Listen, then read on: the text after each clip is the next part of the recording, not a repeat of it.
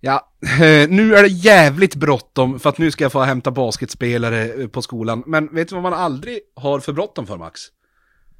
Det är att säga att SMT är Sveriges bästa och finaste företag. Eh, egentligen, alltså alla kategorier, men deras egna kategori är att de svetsar och mekar allting som kan svetsas och mekas. Så att bäst i Sverige i alla kategorier och bäst i sin egen kategori som är svets och mek. Eh, ja. Stort tack till vår huvudsponsor SMT.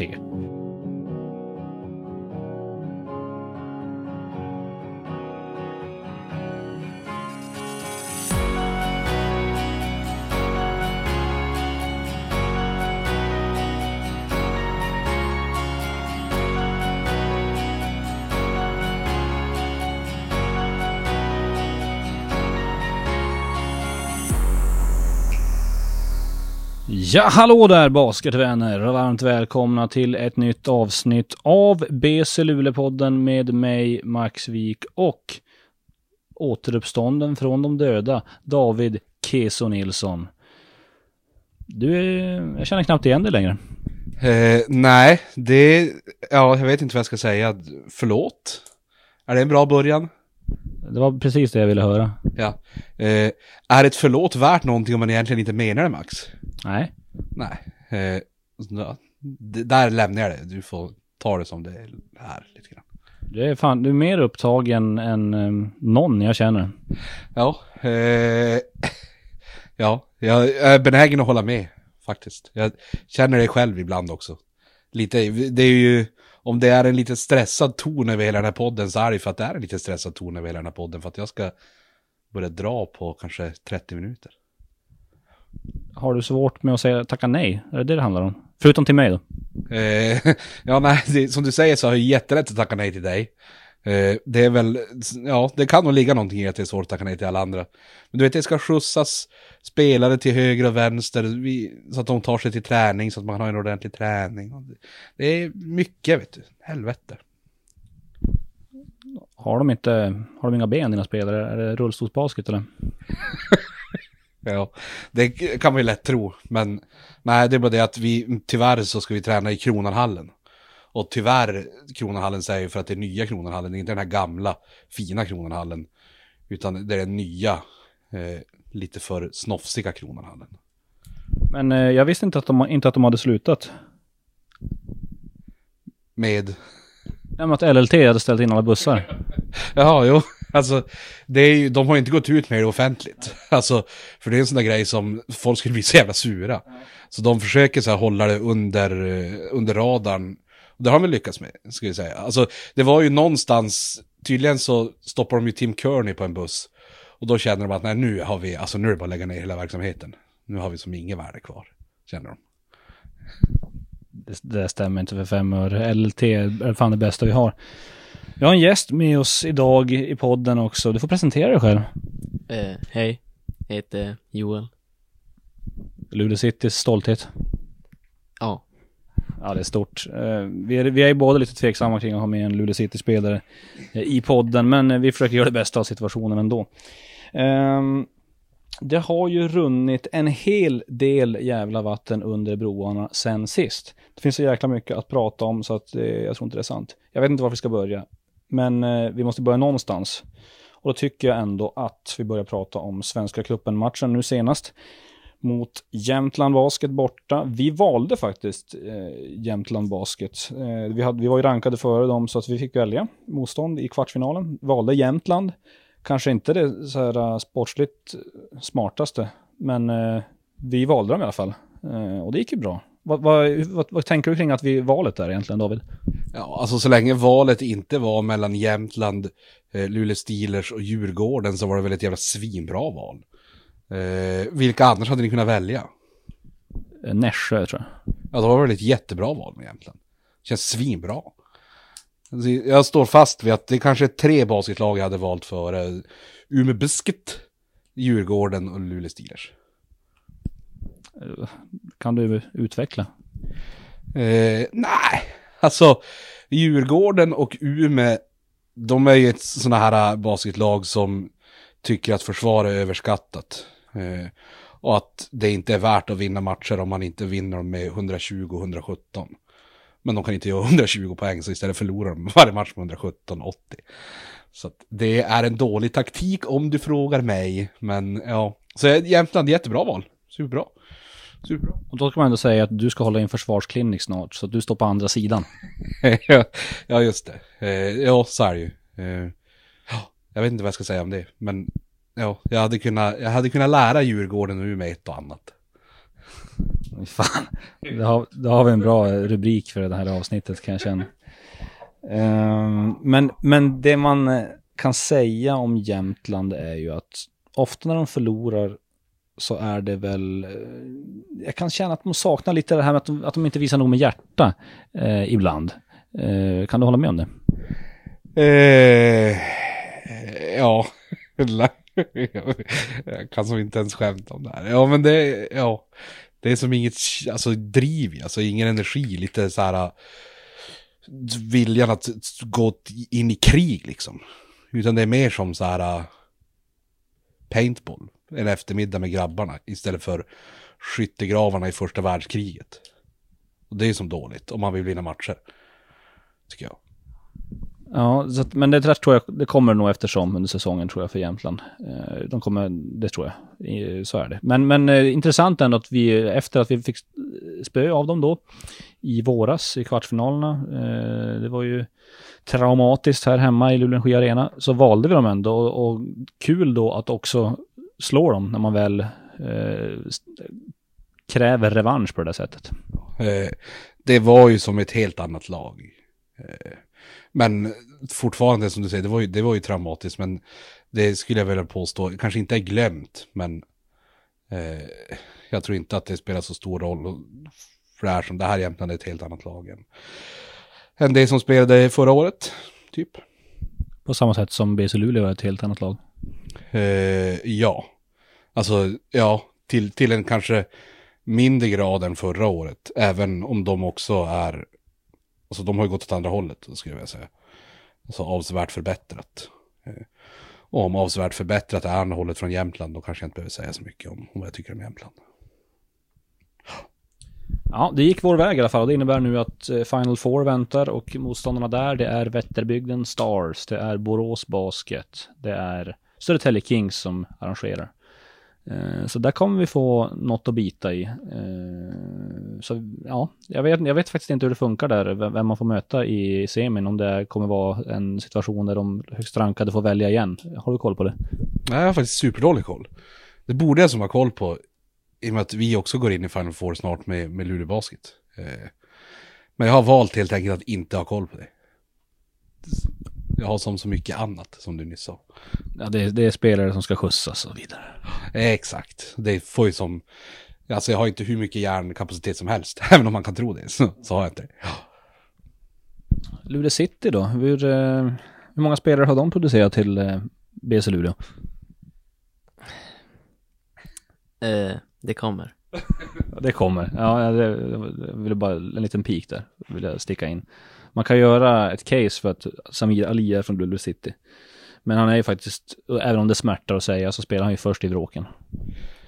Ja, eh, men jag tror det, det kommer. Ja, det, det, det, är på god väg för Luleå City, tror jag.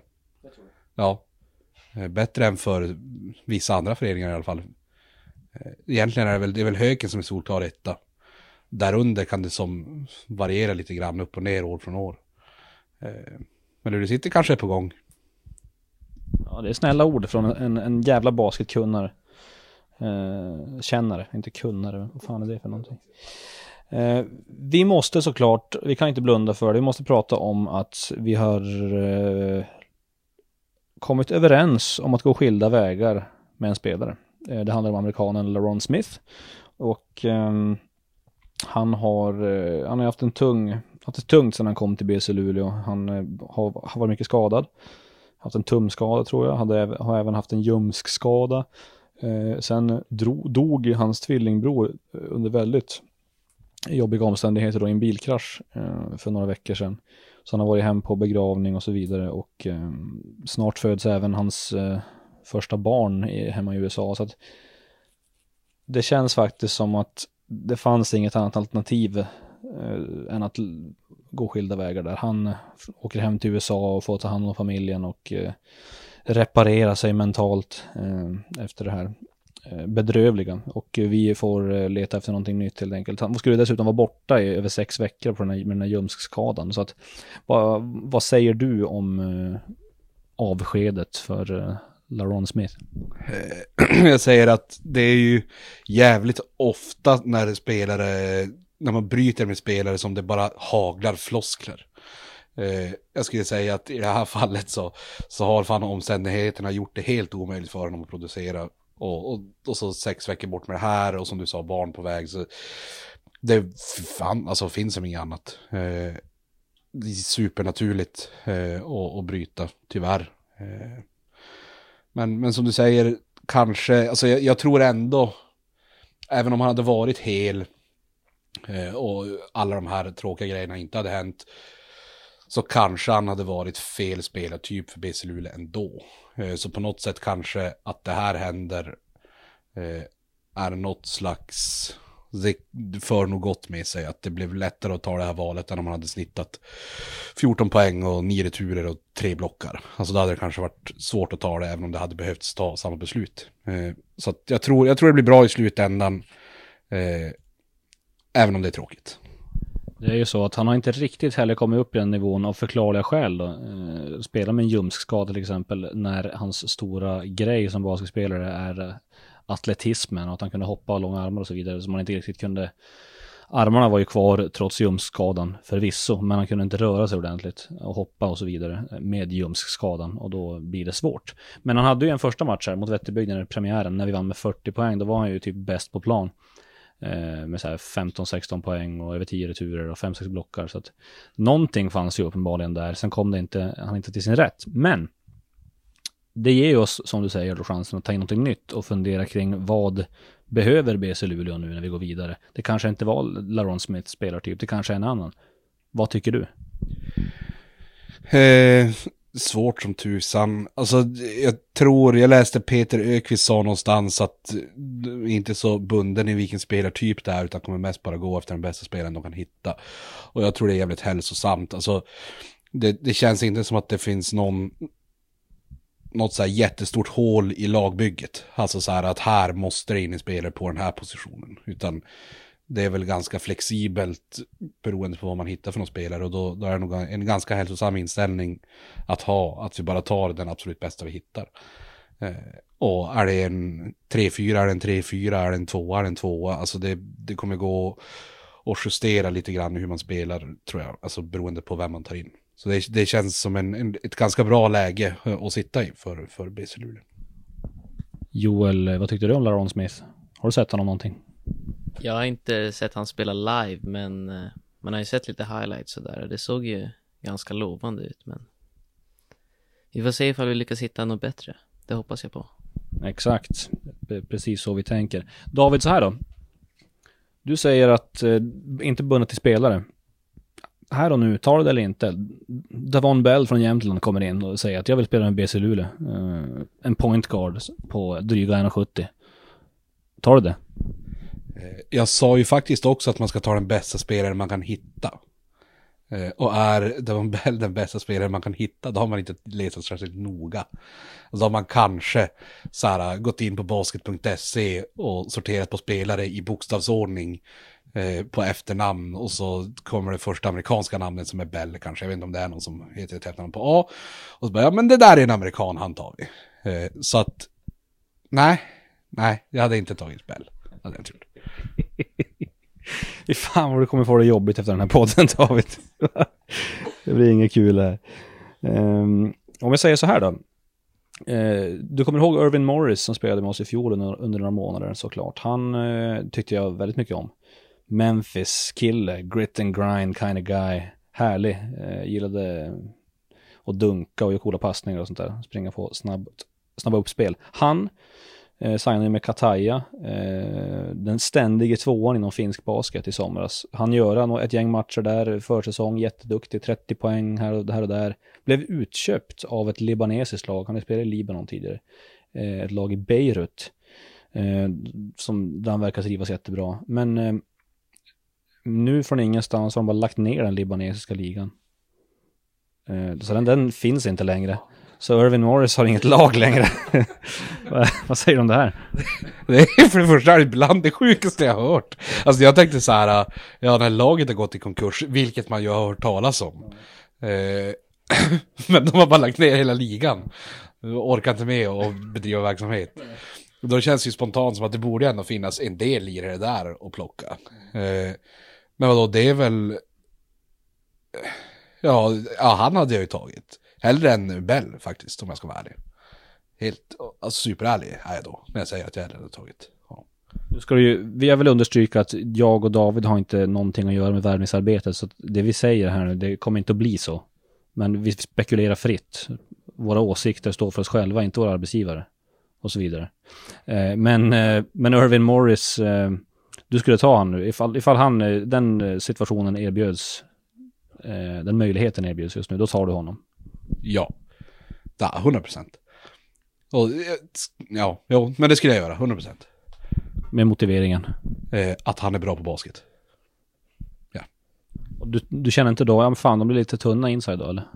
Eh, ja, men samtidigt så fan Axel får armbåga någon i huvudet fyra gånger per match innan han blir utfaulad. Denzel är bäst i världen tydligen. Eh, Tim har också fyra armbågar i huvudet på folk och ger innan han blir utfaulad. Eh, vad fan, det löser sig. I värsta fall får man väl ta in en eh, europé big då, just innan transferfönstret.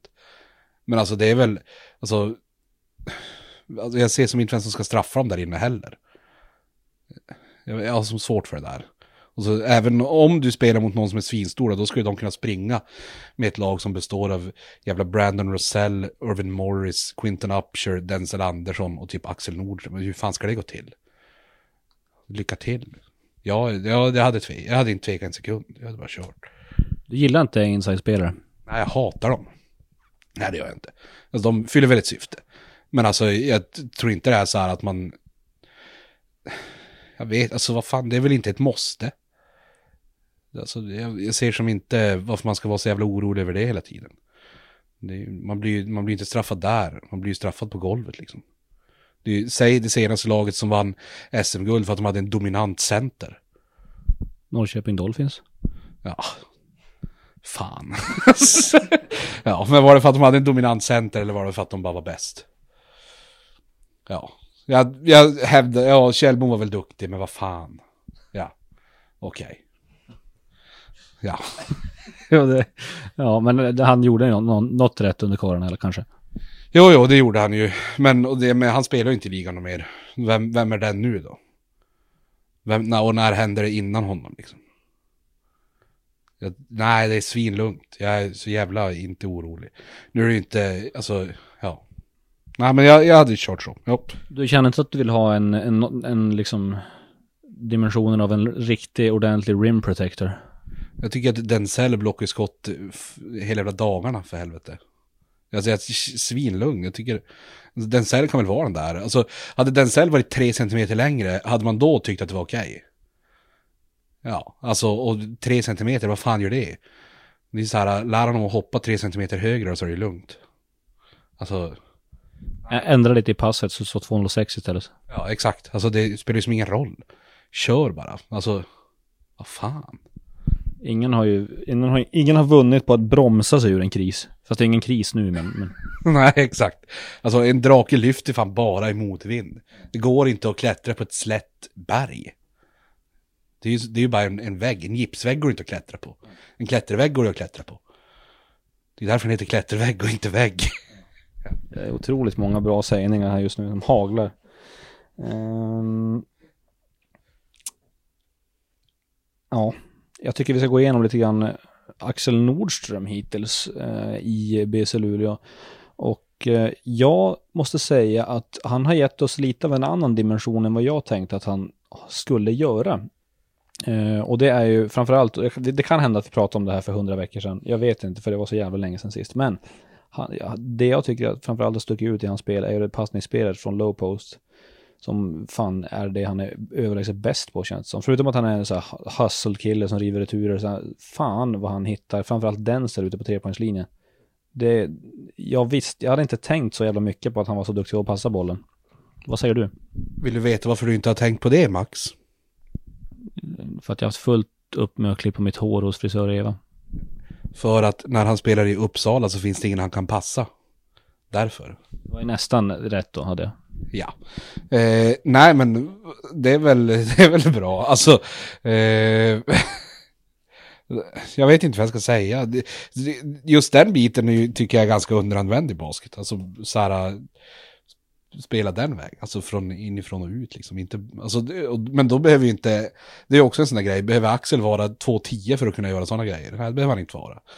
Men man får ut jävligt mycket mer av det än att börja brunka den. Ja, jag tycker Axel är svinduktig på basket, jag vet inte vad jag pratar om nu. Han är svinduktig på basket, jättebra på att passa. Eh, han är bra på att ge folk blåmärken också. Har han överraskat dig med sitt passningsspel? Som, på samma sätt som jag blev överraskad? Eller är du ett jävla coach-geni som har sett det här sedan länge? Eh, nej men jag skulle inte säga att jag har sett det så länge, men jag skulle också säga att jag har sett alldeles för lite BC Luleå i år för att, för att kunna säga någonting. Alltså tyvärr. Jag, jag skäms när jag säger det högt. Men, eh, men ja, men alltså, men det är ju inte, det är som du säger, det är ju inte kanske ens på topp tre av grejer man tänkte att man skulle få när, när Axel Nordström kom hit. Men om du rankar dem nu så är det ju på topp tre. Det är bra grejer liksom. Lätt. Och jag, jag pratade faktiskt med honom efter eh, Umeå-matchen som spelades tidigare förra veckan. I tisdags tror jag det var när vi vann. Eh, det var ju en härlig seger, bara körde över dem. Sprang över dem. Det var inte alls som i fjol då vi faktiskt ledde med 20 poäng i halvtid två gånger mot dem. Eh, och sen torskade. Utan nu var det så att vi gjorde, jag tror vi ledde med 15 eller 14-0 eller något sånt där. Och sen bara stängde vi igen. Och så var det bara så. Eh, och efter matchen så så pratade jag med Axel om matchen och så sa han så här att om jag kan spela min roll i det hela och ge de andra bra looks, fånga bollen djupt och ge oss det spelet så gör jag gärna det. Jag vet inte när de andra lagen ska inse att jag gillar att passa därifrån. De får gärna fortsätta dubbla mig så får alla andra skjuta öppna skott. Tyckte jag var härligt sagt. Det är en jättehälsosam inställning till basket. Det är superhärligt. Det var det jag sa, jag sa ju det just när du drog bort micken från min mun, att Axel verkar vara väldigt snäll också. Det är viktigt. Man kan ju inte ha massa rövhål i ett lag. Och det är skönt, alltså det har man ju inte trott att han var, men, men det är ju skönt att få det bekräftat att han är supersnäll. Förutom när han armbågar motståndare. Då är han inte så snäll. Men det vill man inte att han ska vara heller. Det kan vara bra att ha ett rövhål i laget ändå. Eh, ja, alltså så länge han inte är ett rövhål mot folk i laget liksom, då är det inte bra. Men, Men jag tänker, har, om du inte har ett rövhål så blir man, blir man ju lätt förstoppad. ja, du tänker som en ventil liksom. Ja, nu, ja. nu är det hög nivå idag. Ja, men det har du helt rätt i. Har du sett eh, The Human Centipede? Ja, jag har, jag har bara inte tittat på en hel, hela filmen, nej. inte jag heller. Du kan lämna det där. Ja, det här får vi klippa bort. De syr ihop, de syr ihop människor då. Mun mot röv. Ja, det är en en sj- sjuk jävla doktor som gör det, ja, läkare hon säger. Eh, ja, och det, det var det du, Han, han kan ju ha varit en doktor, alltså keep in mind, I may be a doctor, but I'm not a licensed physician, Max. Det är viktigt. en doktor som, en doktor som Dr. Pepper. Ja, eller, eller doktor i antik historia. Det är ju inte heller så relevant när man ska så här äh, operera på någon. Eller doktor, doktor J, Julius Irving. Han är basketdoktor. Ja. Ja, men det är som, alltså, ja. Mm. Precis. Basket. Ja, eh, med det sagt, ett rövhål behöver man minst. Det är bra eh, för att överlevnad. Men det man ger, det han också ger laget, och det visste man ju att han skulle ge, ge laget Axel Nordström, och det är ju den här attityden som man gillar. Att han sätter lite skräck i motståndarna. Det var en sekvens mot Nässjö borta, kanske säsongens andra match typ, då han rev en offensiv retur och sen så gick han, gick han för sig själv och spände bickarna i luften. Bara en sån där härlig grej. Som jag tycker, jag klippte ut den och la ut den på vår story eh, någon gång. Det tycker jag bara är härligt. Sånt är kul. Men det, är- sånt är basket. Det är roligt. Alltså sånt händer ju inte så ofta i, i andra sporter liksom. Så jag tycker att det är kul. Det finns ju en annan sida som säger att basket, det är att man ska promenera upp med bollen. Och sen ska man ha 300 olika setplays. Eh, och sen ska man eh, inte visa några känslor överhuvudtaget. Det tycker du, det håller du inte med om eller? Nu känns det Max som att du försöker bara få mig att säga massa grejer så att du har saker att välja på när du ska sätta rubrik idag. Eh, nej, det håller jag inte med om. Det är ju tråkigt. Gillar man sånt, då kan man väl titta på schack istället eller någonting. Tycker jag. LaRon Smith hade kanske varit svinbra i schack. För han kan sitta jättelångt från schackbrädet och ändå flytta på pjäserna liksom. En tanke att lämna er med. Eller inte lämna för vi behöver inte fara riktigt än men ja. Du tänker så. Men och det ska vara någon form av schacktävling då man måste sitta långt ifrån bordet eller eh, brädet eller, eller vadå? Ja, exakt. Extremschack kanske. Eller sitta vid ett bräde och spela på två till vid, vid sidan. Då behöver man liksom inte flytta fram och tillbaka mellan stolarna. Det måste ju också vara en fördel, tänker jag. Men det är också svårt, om man har superlånga armar, då måste det vara svårt, alltså det måste vara jobbigare att flytta pjäserna som är nära dig. Och du har ju oftare pjäserna nära dig när du spelar schack än långt bort. Eller hur? Alltså det, så det kanske är en fördel att ha korta armar i schack. Jag tror man får välja hur långt ifrån bordet man vill sitta själv. Ja. Tror du han får flytta på stolen så att han i början av matchen är alla som är nära honom, då sitter han långt bort. Så att han kan ha utsträckt arm. Och sen mot slutet av matchen när de flesta pjäserna är på andra sidan, då kan han som skjuta fram stolen två decimeter. Jag tror, jag tror det finns utrymme för det, ja. Ja, det är en kittlande tanke. Kanske det han ska börja göra. Du är inne på något jävligt spännande där, det, det ska gudarna veta. Det finns så mycket att prata om, men vi har så lite tid. Så jag, måste, jag måste göra någon form av urval här. Och jag tycker ändå vi ska nämna retromatchen, David. Jag tycker ändå vi ska nämna den. Du var inte där. Det var du inte, va? Men jag var där. Jag var med och arrangerade den. Det var gröna ställ, det var Plannja Basket, det var Tjo och Kim och klang och jubelföreställning. Och vi hissade Willie Cherrys tröja. Uh, först kan vi börja berätta vem Willie Cherry är. Det är ju då så att eh, han är en legendar inom basket Luleå som spelade här på 80 och 90-talet. 11 säsonger. Kom hit, köpte sin egen eh, flygbiljett upp när Plannja var nära att gå i konkurs 1980. För att det fanns inga pengar. Kom på en tryout och sen typ första säsongen snittade han typ 28 poäng.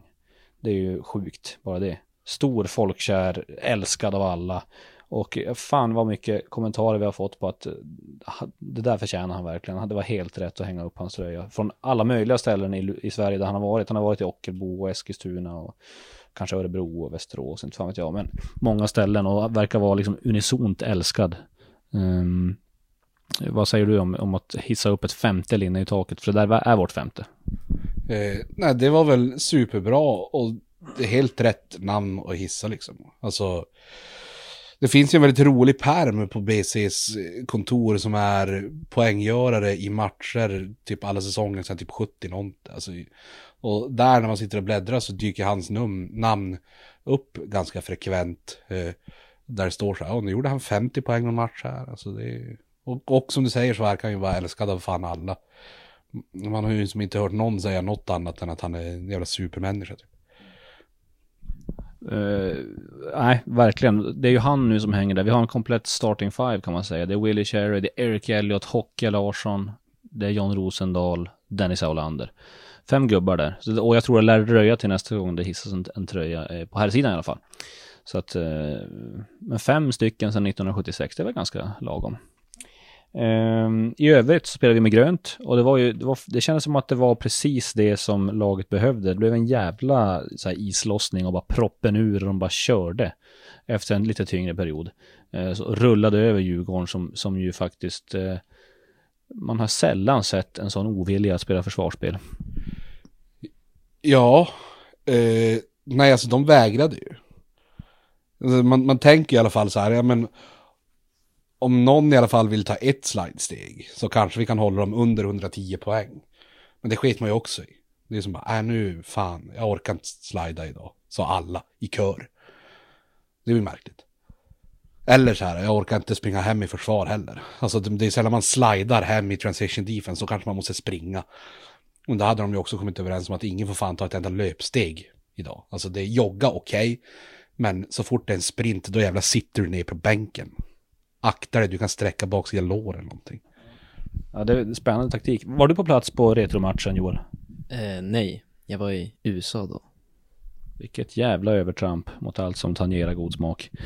Eh, trist att höra. Jag var där i alla fall och jag kan intyga, partisk som djävulen förvisso, men det var otroligt kul. Eh, förutom Willie Cherry, de sprang in till gamla Plannja-låtar alla spelare. Eh, Det är en superrolig grej. Det var kanske det bästa greppet på hela kvällen. Kände man igen alla? Alltså du gjorde det, men, men kände alla andra igen allt annat? inte allt såklart, men det var ju många sådana där klassiska. Var är vargen sprang ju Tim Kearney in till. Han hade studerat, det ska jag säga nu, han hade alltså ringt Dennis Aulander, studerat hur gjorde du när du sprang in?